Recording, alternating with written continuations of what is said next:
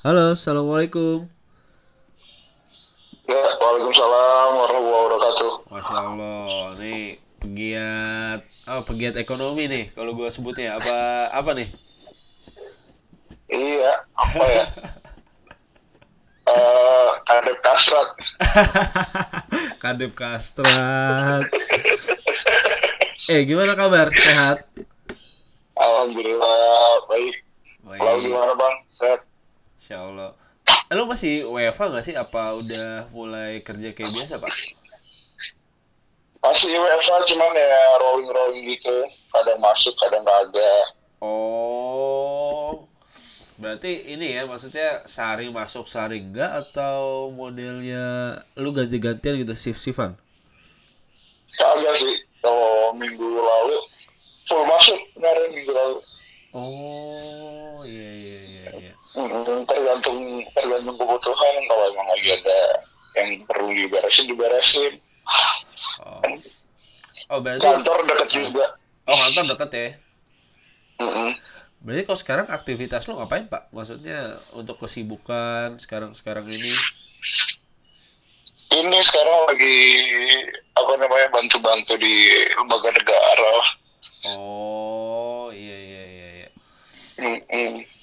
Oke, eh, nah ini gue di teleponan kali ini sebenarnya kan karena lu yang gue tahu kan lu bergerak eh bergerak di atau beraktivitas di lembaga negara yang memang ngurusin masalah ini ya maksudnya ekonomi lah ini secara umum ya maksudnya berkaitan erat dengan perekonomian ya Betul betul betul. ya berkaitan erat dengan perekonomian dan kalau boleh tahu kalau sekarang lu sekarang spesifiknya tuh kerjain masalah apa sih pak? Iya, eh, ini jadi gue kerja di lembaga yang diberikan mandat, diberikan otoritas untuk atur eh, kebijakan moneter gitu lah. Oh oke iya iya. Kebijakan moneter itu apa itu? Jumlah uang yang beredar, gampangannya gitu. Ah, kalau ini ya, setahu gue lu spesifiknya bukannya ini ya, maksudnya di departemen ekonomi syariahnya bukan sih? Mm, betul di ekonomi dan keuangan syariah. Nah. Basically sama. Oh, basicnya sama ya, cuman memang uh, fokusnya ke sana ya, tapi intinya lebih ke Betul. perekonomiannya kan ya, moneter kebijakan moneternya. ya. Betul. Kalaupun nanti orientasinya kita mau membangun perekonomian, tetap ujung-ujungnya di moneter juga. Kan nanti kita ngelihat jumlah uang yang bergerak di pasar ini terpengaruh atau enggak gitu dengan apa Oh, namanya stimulus-stimulus yang kita kasih. Gitu. Sama Oh. aja sebenarnya. Oh. Endingnya sama. Oke oke oke. Nah ini menarik nih pak. gue pengen mungkin ingin menyasar ke masalah perekonomian syariah karena kan kalau kita ngeliat beberapa tahun terakhir ini lumayan berkembang ya. Eh, maksudnya mulai banyak eh, gerakan-gerakan atau lu- mulai banyak eh, program-program yang memang disasar ke sana In- intinya untuk mengembangkan perekonomian syariah. Nah kalau dari sudut pandang lu nih sebagai orang yang memang berkecimpung eh, untuk memperhatikan hal itu tuh itu gimana? Mm-mm. Ya, kalau gue sendiri ngelihatnya sebenarnya apa namanya eh, ekonomi ekonomi konvensional dan ekonomi syariah itu sebenarnya dua hal yang nggak bisa terpisah. Gitu. Kenapa nggak bisa terpisah? Oke oke. Ah, Ah, ah. Karena apa namanya mau nggak mau sadar nggak sadar ah. awareness masyarakat terkait ekonomi syariah itu juga masih baru gitu. Oh. Jadi kalau ah. mm-mm, instrumen baru ini, oh bukan instrumen ya sebenarnya, Eh, pola baru ini langsung kita coba masukin untuk mensubstitusi pola yang lama, Ah. itu nggak bisa masuk juga gitu. Oh Karena karena segala macam di keuangan, di ekonomi, infrastruktur infrastruktur yang udah dipakai itu infrastruktur lama gitu. Oh oke. Maksudnya gini. eh, ketika eh, ada sistem baru, bukan sistem baru ya. Maksudnya ketika sesuatu ini mencoba untuk mengaplikasikan metode baru, akhirnya butuh penyesuaian ya intinya kayak gitu ya. Betul, betul. Jadi tinggal kita mainnya eh, mau di ranah mana nih itu sebenarnya gini kan kebijakan itu Iya. kalau gue kalau gue lihat Ah. kebijakan itu kita bukan ngomongin hitam sama putih nih Ah, ah, ah, it- bukannya cuman kita ya. mau bikin gradasi abu-abunya itu di mana abu-abu banget abu-abu sedang atau Oh, abu-abu yang oke, berat oke, putih oke. Ah. gitu jadi kalau kita mau bikin eh, kebijakan dia ya mau kayak gimana kalaupun kita mau serta merta ngasih eh, pola action yang benar-benar pure eh, apa namanya Ah, eh misalnya nggak ada tambahan gitu ya Pak ah, ah, iya. itu susah juga kalau kita aplikasikan sekarang juga gitu. Oh, makanya oke. kita ini sekarang kita coba cari eh, apa ya kalau nggak hitam atau putih ya mungkin di warna yang lain gitu di warna yang lain ini maksudnya warna ini berarti belum terkontaminasi dengan eh, pola-pola lama yang udah ada gitu sebenarnya. Oh, oke oke oke. Jadi memang sampai sekarang masih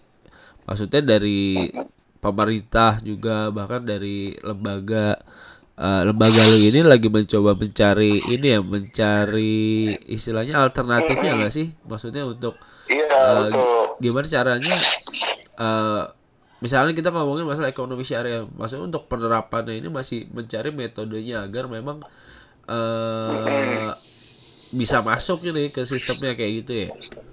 Betul. Sebenarnya kalau kita ngomongin metodenya udah duduk sebenarnya metodenya. Ah, ah. Cuman kita nih cari area yang pas aja untuk ekonomi syariah ini masuk di mana.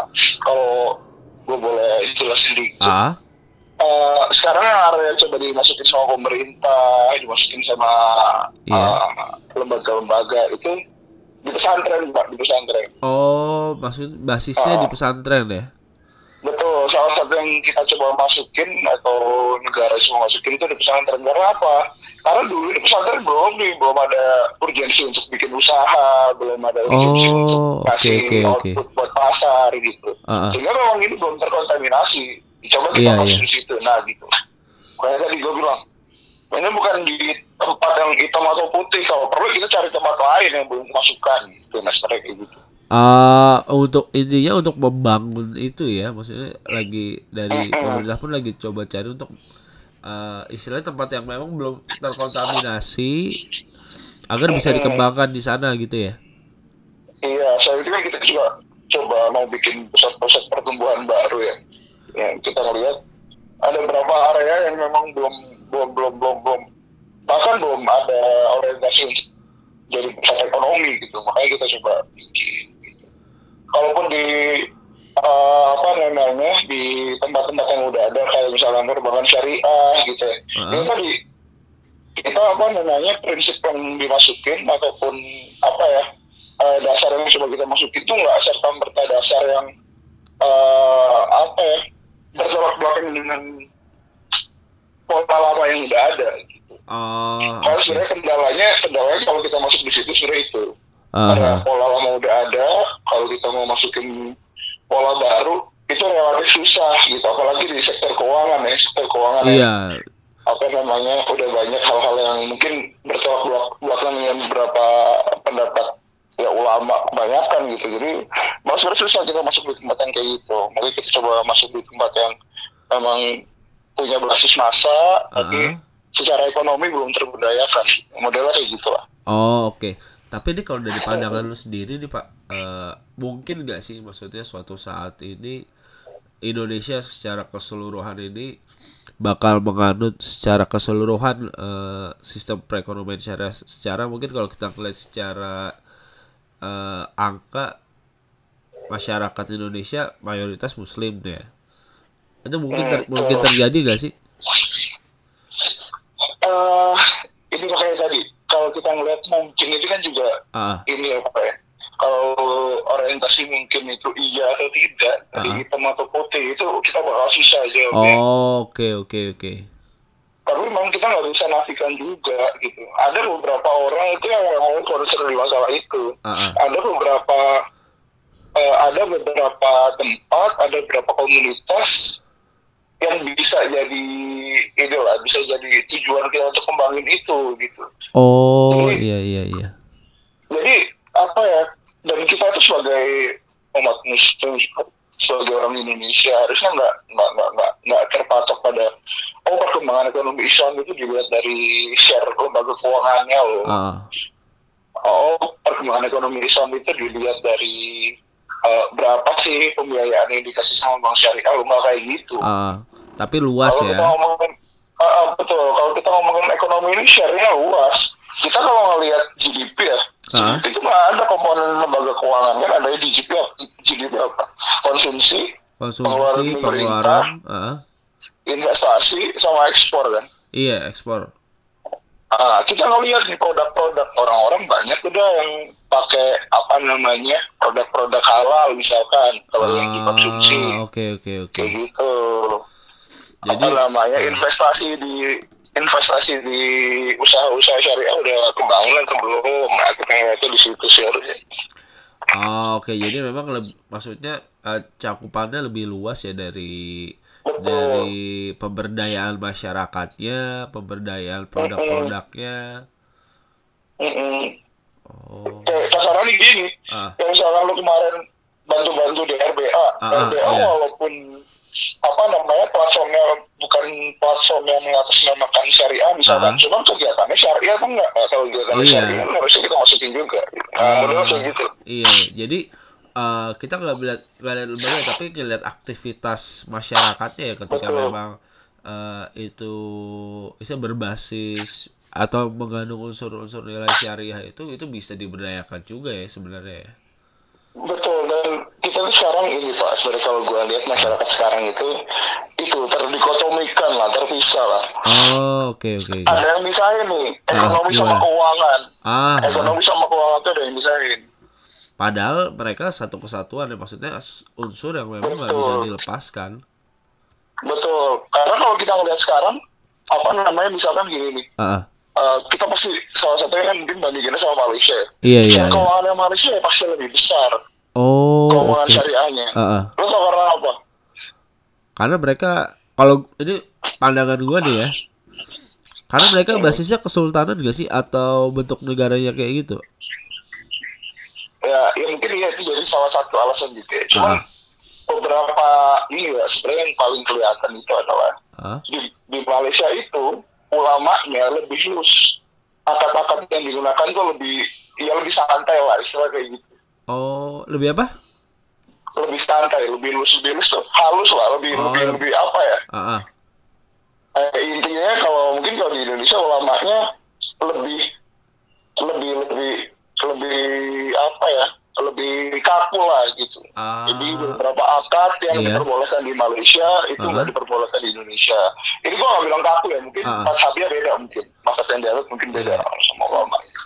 mungkin ini ya apa uh, pendapat yang diambil ini istilahnya berbeda karena kan kalau misalnya kita ngomongin masalah istimewa ulama itu kan banyak ya sebenarnya ya. Ah, oh. Oke Jadi oke. ibaratnya MUI-nya Malaysia sama MUI-nya Indonesia apa namanya eh, yang dipakai beda, terus penafsiran atas sebuah dalil juga beda, mungkin akhirnya Ah. ada itu tadi Ah, ah. pendapatnya beda. Nah, kalau dari lu nih Pak, lu kan udah hampir setahun nih lu eh di lembaga lu sekarang nih ya. Banyak orang yang, banyak orang yang bilang kalau misalkan wah perekonomian lagi nggak stabil nih.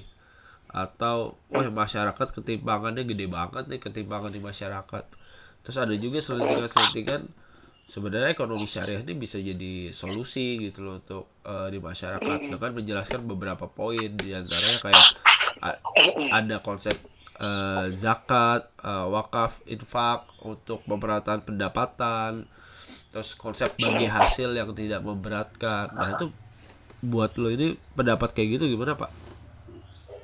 Mm-mm, jadi ini ya sebenarnya makanya tadi kalau gua ngeliat sedikit banyak ekonomi syariah itu muncul karena tadi ada ada ada ada masalah di ekonomi sekarang. Oh oke. Uh, mm, jadi beberapa orang mungkin menganggap ini sebagai apa ya mm, solusi lah mungkin. Cuman tadi ya kalau kita ngomongin solusi kalau belum applicable belum bisa dirasain sama banyak orang akhirnya masih dipertanyakan solusi itu gitu. Oh ah, ah, ah. Mm-mm, yang mau gue garis bawahi secara prinsip sebenarnya ekonomi Islam Iya. yang disasar adalah sektor real gitu. Oh, oke sektor real ya. Sektor ekonomi sektor ekonomi bukan sektor keuangan sektor Ah. keuangan ini cuma backup dari sektor real aja cuma Ah, backup dari ekonomi Iya, heeh. sehingga ya ibaratnya gini lah ibaratnya gini misalkan kita transaksi forex nih Iya. transaksi mata uang Heeh. kalau harga barangnya nggak stabil kalau eh, supply dari barangnya nggak ada Iya. ya nggak akan jadi juga itu Iya. transaksi forex gitu loh Iya, goyang Karena juga pasti akan- kan. Betul, karena harganya akan naik. Lu punya duit juga nggak bakal bisa dibeliin karena sektor realnya itu apa namanya nggak stabil. Jadi itu yang sebenarnya yang mau disasar sama ekonomi Islam itu sektor real, pengembangan sektor real. Oh, Itulah kenapa. oke oke oke. Betul. Sebenarnya kalau ini kalau kita mau ini gue juga bukan orang yang punya latar belakang Ah, ah. studi Islam juga kan Iya. ya lu tahu juga lah. Nah, cuman gue coba lihat dari prakteknya dan Ah. ini sebenarnya apa namanya related juga lah. Sebe- sedikit banyak memang yang kita ngelihat eh, yang berlaku di pasar keuangan ini adalah tambahan sebenarnya. Adalah tambahan. Oh, iya iya, adanya tambahan di sana ya. Ah.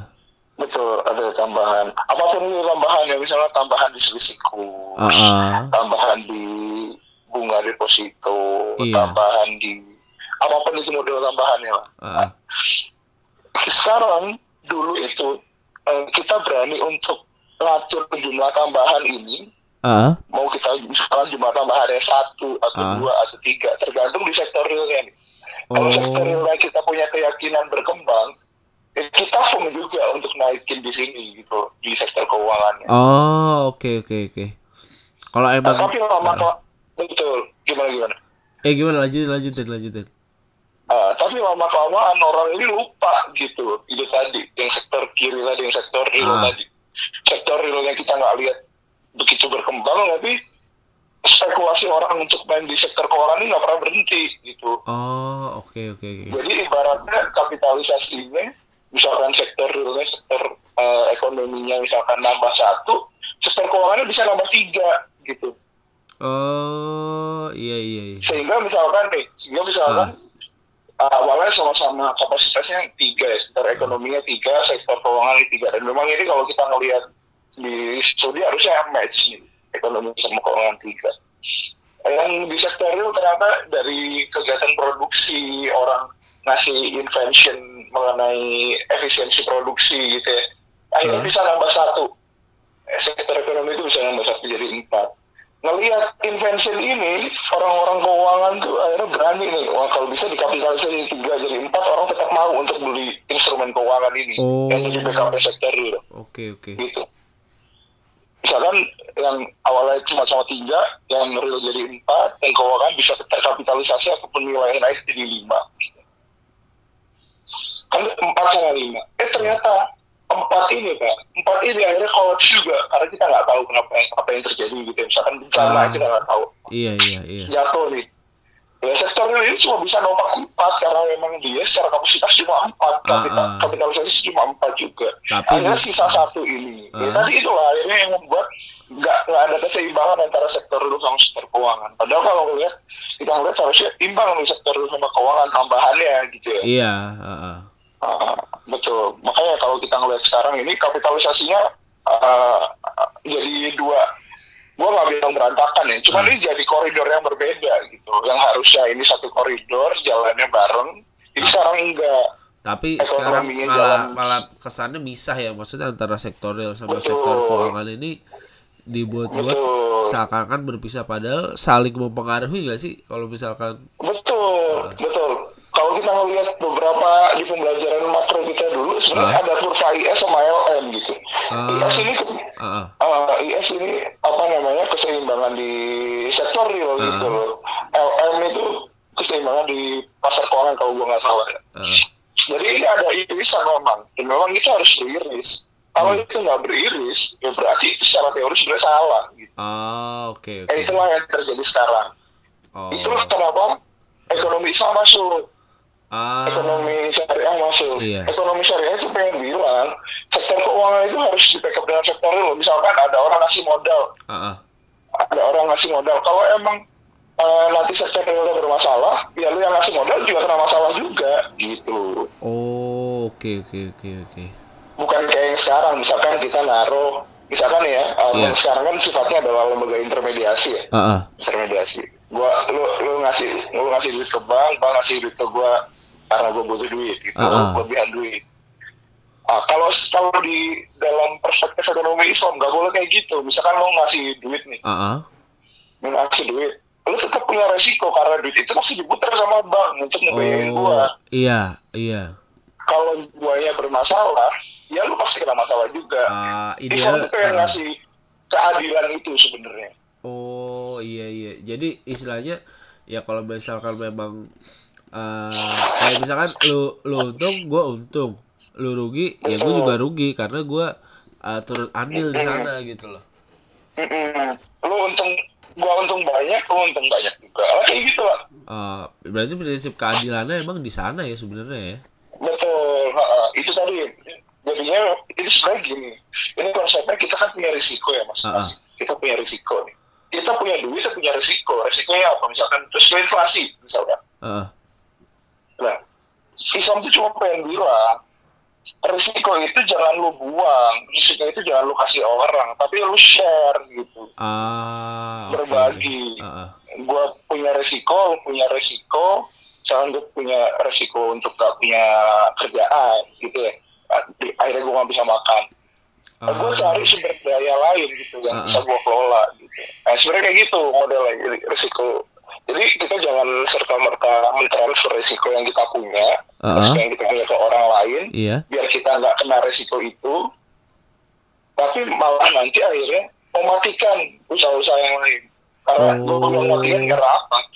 Berarti gini nih, kasarnya. Uh. Ini sebenarnya kalau ada papan lebih enak sebenarnya kalau ada papan. Cuman gue pengen bikin apa penjelasan yang ah, mungkin next time bisa lah kita lewat zoom lah bisa bisa cuman uh. ini coba sekarang gua kasih uh. sederhana gampangannya kalau misalkan uh, bunga bank lima persen nih iya bunga bank lima persen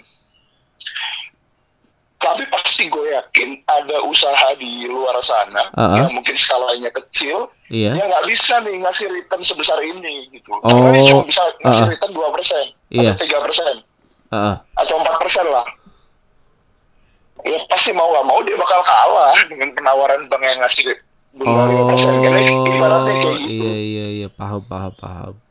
Uh, adilnya kayak gitu. Maksudnya itu itu itu contoh kecil sebenarnya contoh kecil. Harusnya kita itu orang menerima segala macam kapasitas ekonomi di uh. seluruh faktor produksi gitu.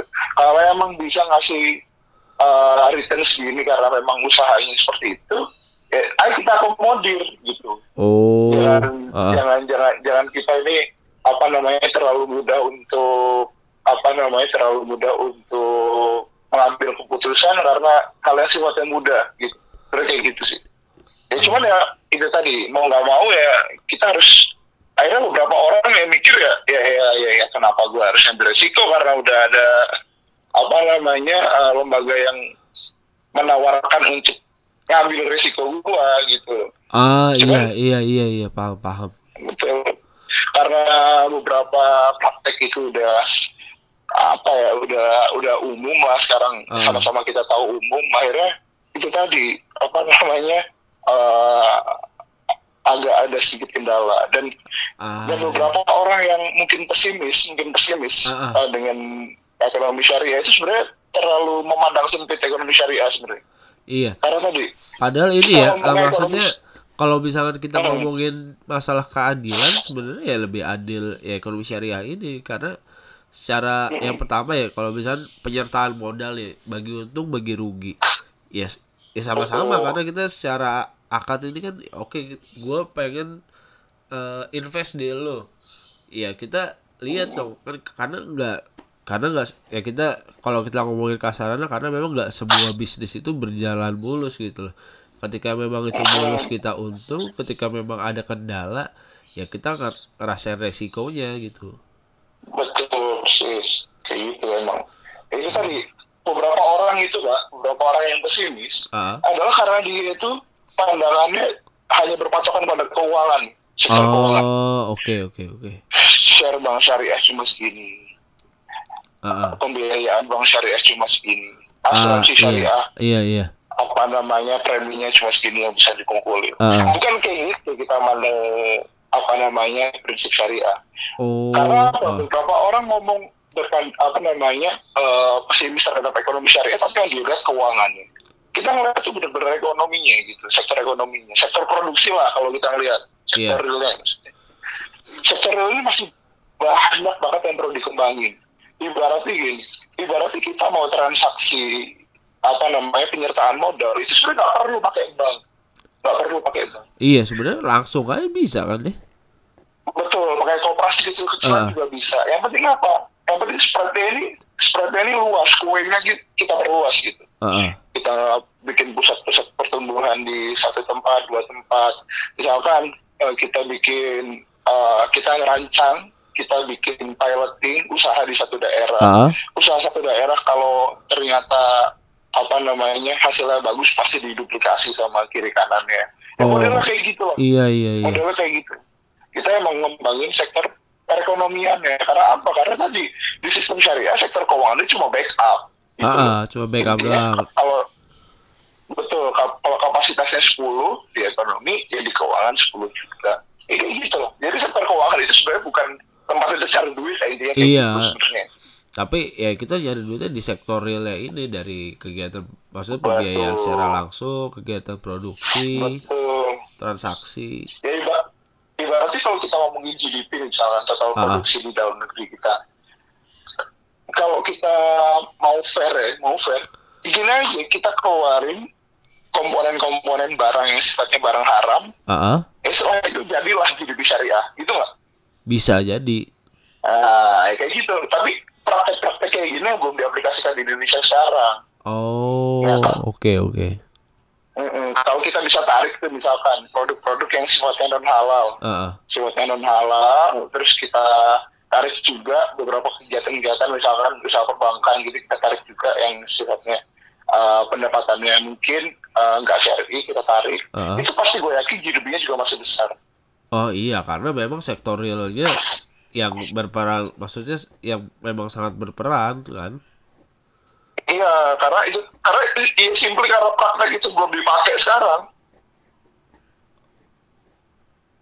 praktek itu belum dipakai sekarang akhirnya ya Ah. seperti itulah Oh. seperti itulah apa namanya eh kekurang kekurang baikan ekonomi Islam di mata beberapa orang gitu Ah iya, jadi istilahnya Mm-mm. orang masih ya sekarang-sekarang ini kalau gue ngeliat juga ya bahkan eh termasuk gue dulu ya gue masih memandang eh ini kok kayaknya ekonomi syariah yang diterapin kok justru tidak apa ya mungkin kita ngeliatnya terlalu sempit ya maksudnya kok ini justru nggak menguntungkan segala macam. Padahal kalau misalkan ditelaah lebih jauh sebenarnya secara real ini justru menguntungkan cuman kan kita melihatnya dari segi keuangannya doang Mm-mm, dari sektor keuangannya lah berarti gitu Oke, nah ini juga menarik nih. Gue sempat ya dengar-dengar nih eh selentingan-selentingan di masyarakat. Kita coba pindah ke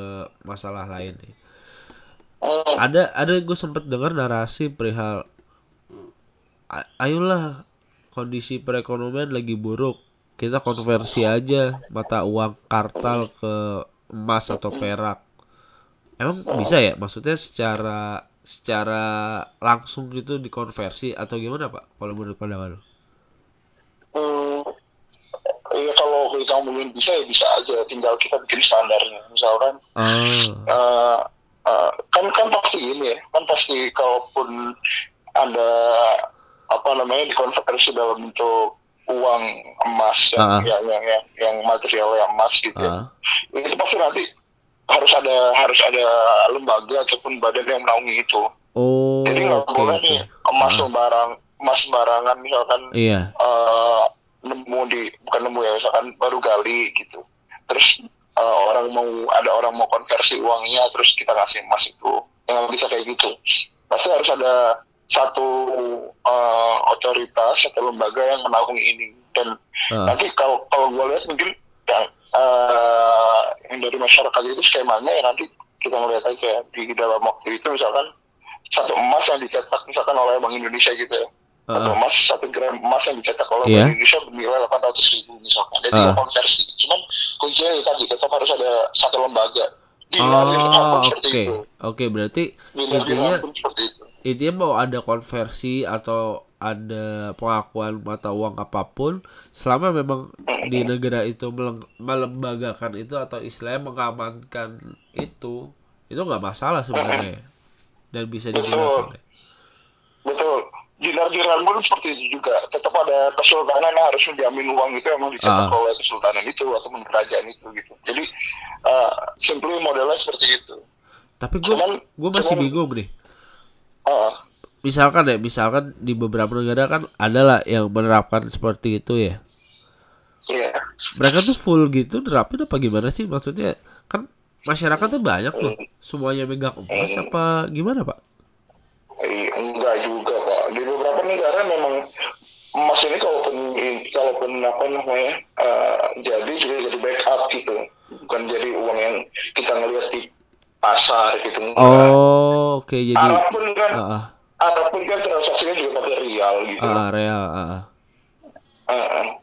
Ma- negara-negara lain Malaysia juga apa namanya ya pakai ringgit gitu cuman ya ini mu- mungkin jadi uang yang apa namanya eh, bisa ditransaksikan cuman nggak jadi mata uang utama ah oke oke oke Paham. cuman gini sih sebenarnya kalau gue lihat ya ini sebenarnya ada masyarakat itu juga kemakan hal yang sifatnya masih di permukaan gitu loh. Ah. Ini pendapat gua aja sih. Sebenarnya gini pak. Apa pun itu uangnya apa pun itu instrumennya kalau kita perlakukan dengan cara kita melakukan uang itu sebagai komoditas itu nggak bisa juga. Iya iya misalkan misalkan memang oke lah nanti instrumennya pakai emas. Ah ah tapi kita memperlakukan emas kayak uang kartal sekarang. Ah kita pengen tar kita pengen taruh eh, kita taruh di lembaga keuangan. Hmm, misalkan uh, kita ngasih sekarang satu dinar gitu ya. Iya. Satu satu gram emas. Nanti satu satu sa- misalkan satu tahun kemudian kita berharap satu emas satu gram emas itu nambah satu gram perak gitu. jadi kita dapat satu gram emas satu gram perak. Itu nggak bisa Oh. juga kayak gitu. Iya iya. Mindsetnya masih ke sana ya sebenarnya sekarang ya. Betul. Nah, uh, makanya yang kita ubah sekarang itu sebenarnya bukan instrumen yang bermasalah. Cuman cara kita memperlakukan instrumen itu gitu. bahkan Kalau mungkin kebanyakan orang sekarang beli emas eh, untuk spekulasi ya harapannya naik naik betul. Untuk mm, untuk jadi komoditas lah untuk diperjualbelikan. Ya nggak bisa kayak gitu kan. Ah ah. Nanti akhirnya kayak tadi sama kayak tadi. Misalkan satu gram emas satu gram perak. Tapi uh, kita harap sama kita harapannya di satu tahun itu kita ketika kita naruh satu gram emas Iya. kita dapat satu gram emas dengan dua gram perak. Tapi ternyata usaha ini sektor usaha ini cuma bisa menghasilkan satu gram perak dalam setahun. Oh ah. konsepnya akan sama seperti itu nanti. Oh iya iya iya iya. Jadi itu tadi sekali lagi bukan instrumennya yang bermasalah. Ah. ini kayak sempat gua quote dari lu. Kalau orang mau barter silahkan barter gitu sebenarnya. Sah sah aja mau iya barter ah, ah. secara syariat malah syari gitu. Kalau kita mau jujur jujuran cuman kan sebenarnya uang ini ada untuk tadi jadi alat hitung. Ah, ah, Alat alat hitung untuk iya menentuk menentukan nilai maksudnya menentukan Betul, harga barang suatu kan. barang.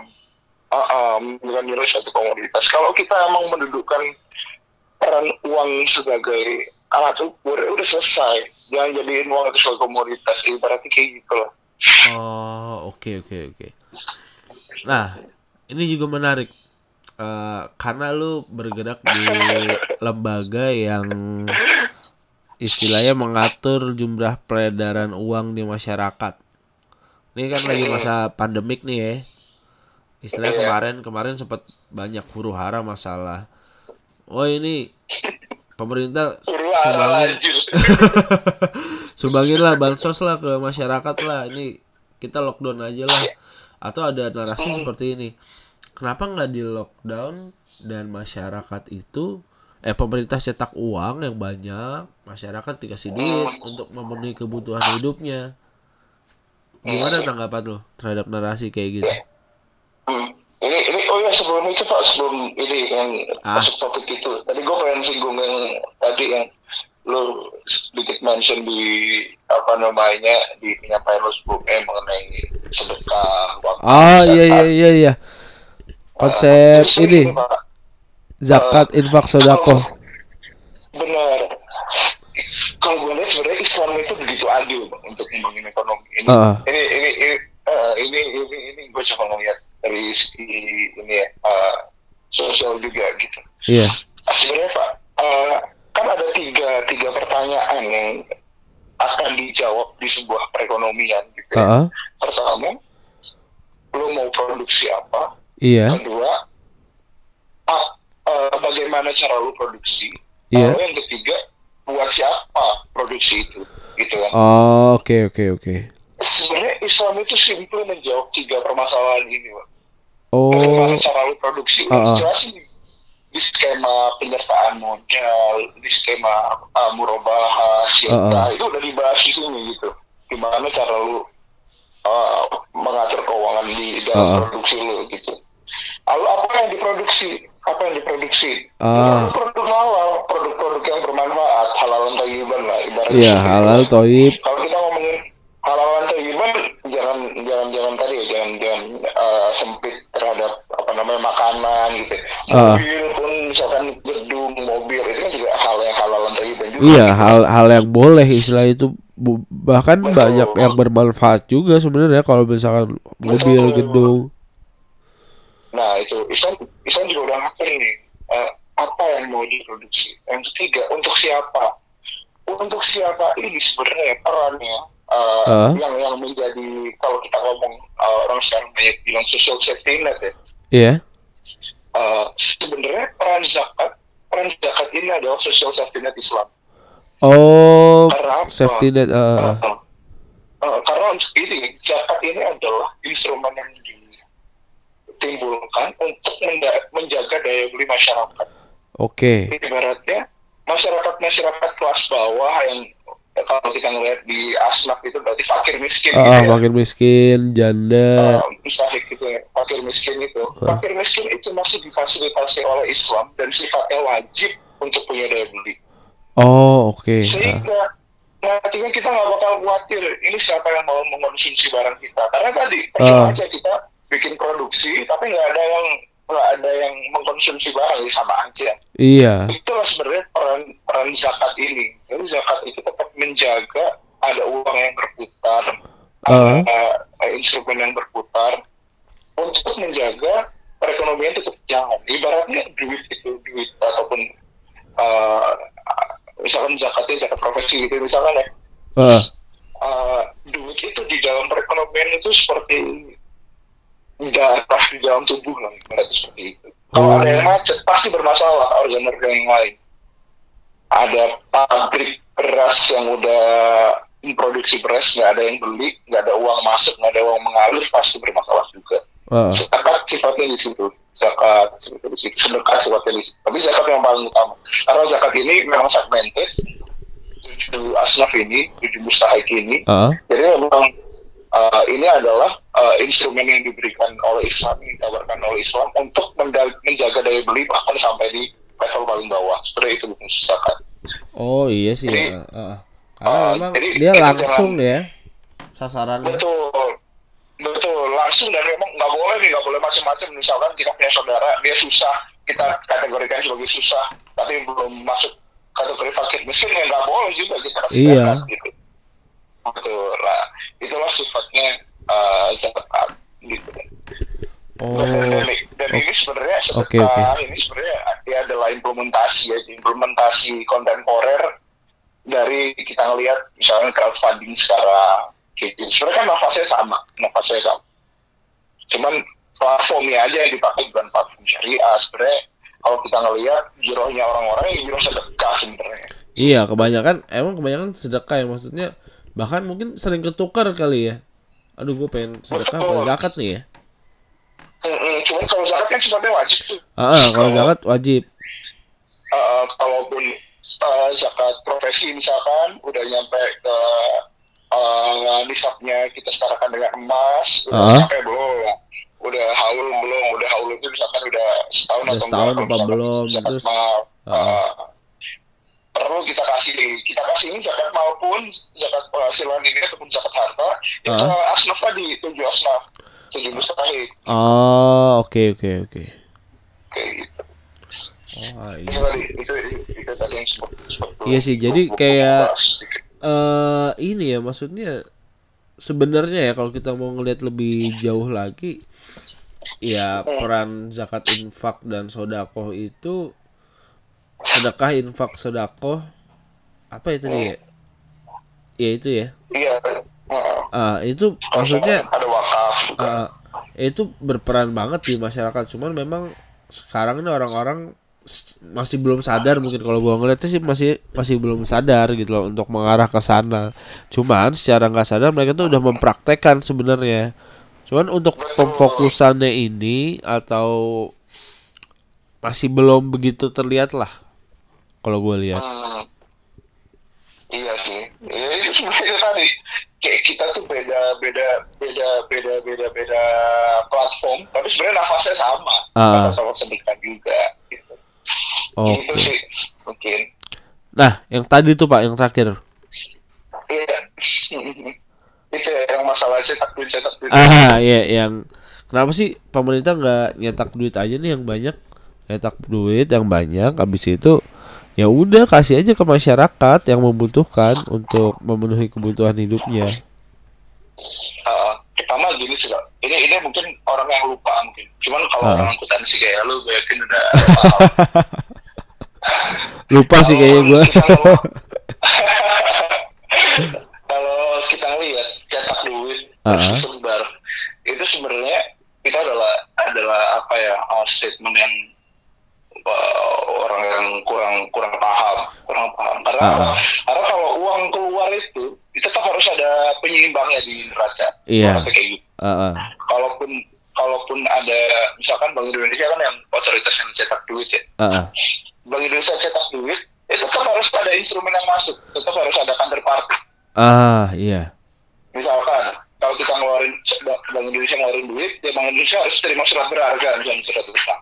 Oh, itu oke adalah oke. pembayaran atas utang itu. Ah. Eh, maksudnya disperse bukan pembayaran ya, disperse atas utang itu. Misalkan pemerintah bikin surat utang yang sifatnya eh, yang, yang nilainya 100 miliar misalkan. Ah. Pemerintah ngasih surat utangnya ke Bank Indonesia, Bank Indonesia ngasih duit sebesar 100 miliar. Ah, modelnya kayak gitu. Jadi pertama Ah, oke oke oke. Nah, itu karena lo anak akuntansi mungkin paham, cuman Ah. itu tadi itu adalah Jadi untuk yang untuk harus menjaga sebenarnya itu untuk menjaga keseimbangan ya, iya nggak sih? ya bukan keseimbangan ya, ya, ya aturan akuntansinya seperti itu. Ah. Mau nggak mau harus dilakuin. Oh. Jadi kalau uh, Bank Indonesia ngasih um, uh, cetak duit itu harus ada counterpartnya. Uh, lalu yang kedua kenapa itu nggak dilakuin? Ah. Kenapa itu nggak dilakuin kan? Pasti pertanyaannya itu. Sebenarnya Pak sesuai dengan perpu yang terakhir kemarin, ah. perpu yang terakhir kemarin perpu nomor satu mengenai penanganan COVID itu sebenarnya praktek itu udah ada. Oh, oke. Ah, ah. Uh, itu dilihat dari mana? Dilihat dari hmm, pemerintah itu eh, pemerintah. Bank Indonesia itu boleh beli surat berharga pemerintah. Ah. uh, SPSN, eh SPSN, SPN, surat berharga negara di pasar di pasar premier. Pasar premier itu apa? Hmm. pemerintah pemerintah bikin surat, Surat utang, ah, surat BI utang. langsung beli, BI langsung beli Oh, oke di oke. pasar primer. Ah, Pasar primer kan ketika issuance pertama kan, iya. ketika penerbitan pertama. Itulah itu yang kemarin bisa dilegalkan lewat perpu itu. Sebelumnya nggak boleh. Oke, karena memang ini, ini kalau ini kan terkait kondisi ya sebenarnya ya.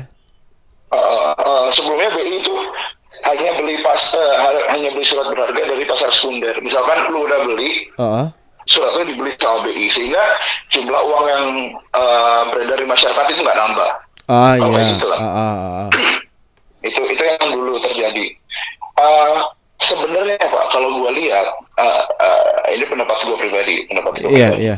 Sebenarnya kekhawatiran inflasi ketika kita printing money itu tergantung ke penanganan kita untuk eh, maintain duit itu tadi. duit yang didapat pemerintah misalkan dari surat berharga tadi. Oh, Jadi printing money iya. sekarang itu sifatnya lewat surat berharga negara.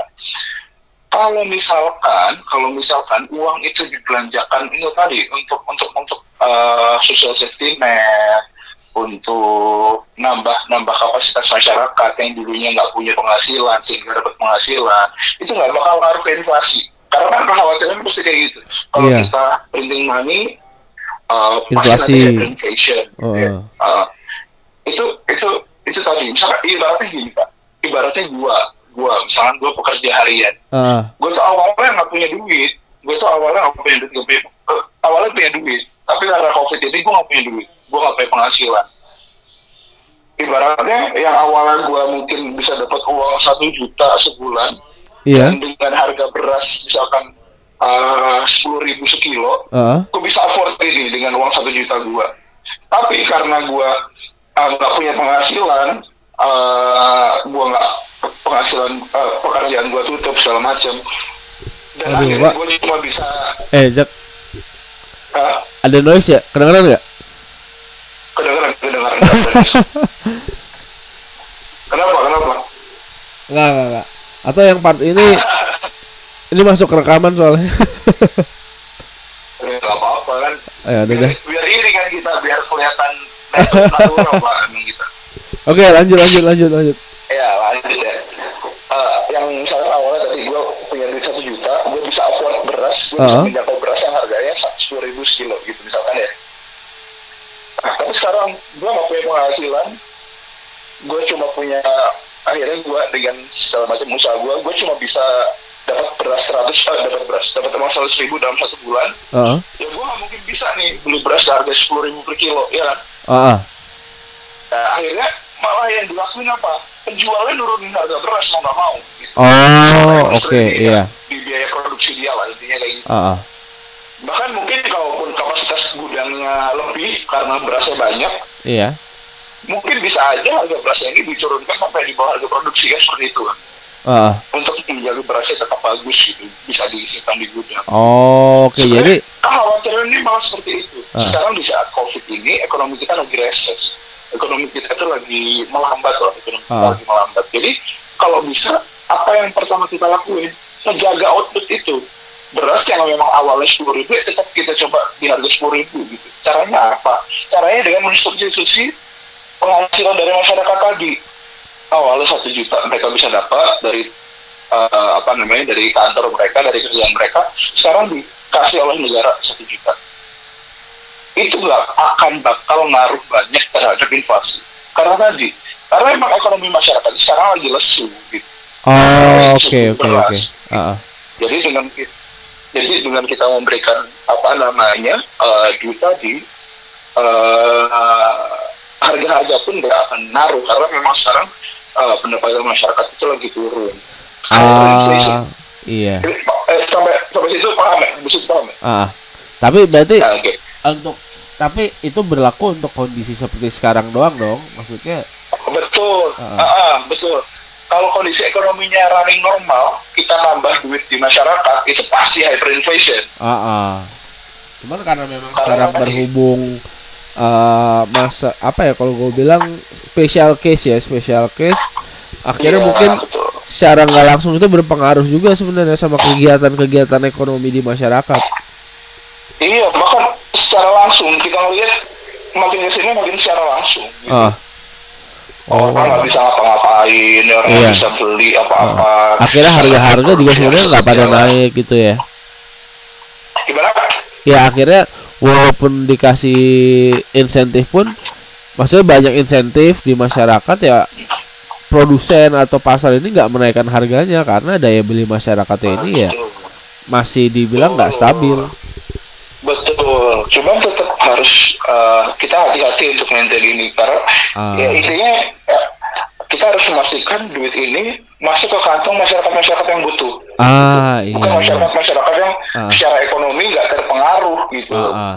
Itu itu yang pertama harus kita eh, harus kita garis bawahi. Kedua, jangan pakai ini jadi belang, eh, belanja jangka panjang, belanja modal jangka panjang. Ah, ah. Karena apa? Karena misalkan nih kita pakai belanja modal untuk apa namanya untuk untuk untuk untuk beli misalkan uh, infrastruktur eh, infrastruktur beli uh, alat-alat dari luar negeri misalkan Ah, yang sifatnya jangka panjang. Di luar negeri yang kita nggak tahu pemetaannya mungkin luar negeri ini nggak terpengaruh. Misalkan uh, produksi baja dari misalkan dari mana ya dari Afrika misalkan. Iya. Atau produksi uh, produksi apa ya uh, ya barang-barang dari Afrika ini gua analogi aja kalau di Afrika ini demand terhadap suatu barang itu nggak ngaruh misalkan uh, demand terhadap uh, baja dari Afrika itu nggak ngaruh kalau kita uh, kalau kita masuk dengan uang yang berlebih kalau kita masuk dengan uang yang berlebih harga baja itu bakal dinaikin Ya, gitu. Oh, iya iya iya. Betul. Kalau itu tadi eh, garis yang kita perlu garis bawahi, kalaupun harganya nggak ter, intinya tadi kalau harganya nggak terpengaruh ataupun produksinya dia nggak terpengaruh, oh jangan kita masuk di situ. Hmm, hmm, hmm. Pasti nanti, pasti nanti apa namanya, pasti nanti ngaruh ke harga barang yang masuk ke Indonesia. Ya udah gua naikin aja harganya kalau Indonesia punya banyak duit ya. ibaratnya Ah gitu. iya ibaratnya gitu nanti. ya. Maksudnya karena memang dia punya banyak duit akhirnya harganya naik gitu. Mm-mm, mm-mm. Itulah itulah alasan kenapa beberapa di beberapa case hyperinflation itu terjadi. Gitu. Oh. Cuman tadi sih menurut gua Ah, Eh, kalau tapi itu itu itu opsi terakhir ya pak ya Iya, opsi terakhir. Mm-mm, kalau dari segi eh, APBN masih bisa kuat eh, defisitnya itu masih bisa kuat untuk memenuhi apa namanya eh, daya beli masyarakat mending pakai itu intinya jangan nambah uang beredar di masyarakat sih Ah. itu nggak perlu iya iya iya. iya. Oke, Gitu. mantap. Akhirnya gue tercerahkan juga nih. eh elah. Oke saja ya udah itu aja nih mungkin teleponan kali ini. Eh, thank you banget nih ya udah ngeluangin waktunya. Eh, jadi intinya sebenarnya banyak banget nih eh, poin-poin di obrolan tadi. Next time mungkin gue bakal telepon lu lagi nih kalau misalkan ada yang mau gue tanyain. Boleh nggak nih kira-kira sebenarnya gue nih ini pak. Gue tuh merasa terhormat banget lah Iya. gue tuh pendengar setia lu pak. Gue tuh pendengar setia lu. Dari sesi satu sesi satu sesi Iya. satu itu kalau nggak salah siapa sih? Lupa gue apa? Sesi satu siapa? Sesi satu.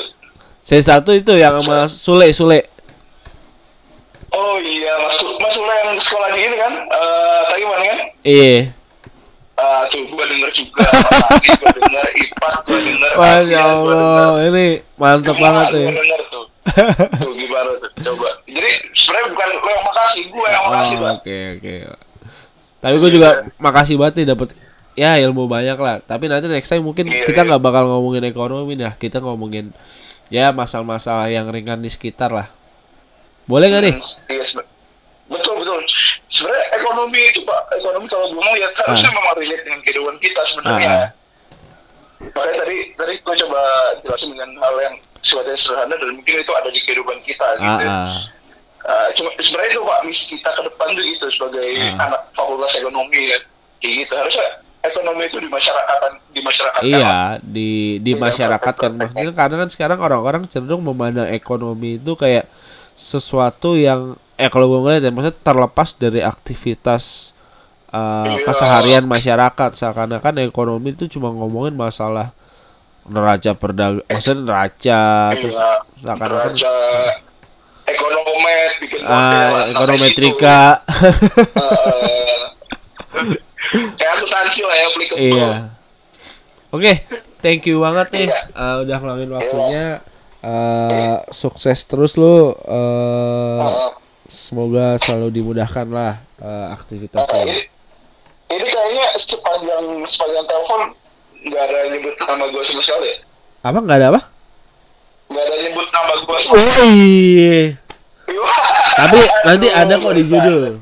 Ada di Oh iya, iya, judul. Iya jadi untuk pendengar ini Mas Ahmad Zaki Darmawan ya bu- Banget banget lah. ya saudara sesama muslim M- mungkin sama namanya Iya. Darmawan cuman eh, kita beda orang tua Iya, betul, betul, betul. Coba kita telusurin lagi lah ntar. oke eh, thank you Ah, pak oke. Eh, Iya. sukses selamat bekerja semoga terus memberikan kebermanfaatan lah Oke, Oke, Oke, makasih Bang. thank you. Assalamualaikum. Waalaikumsalam warahmatullahi wabarakatuh.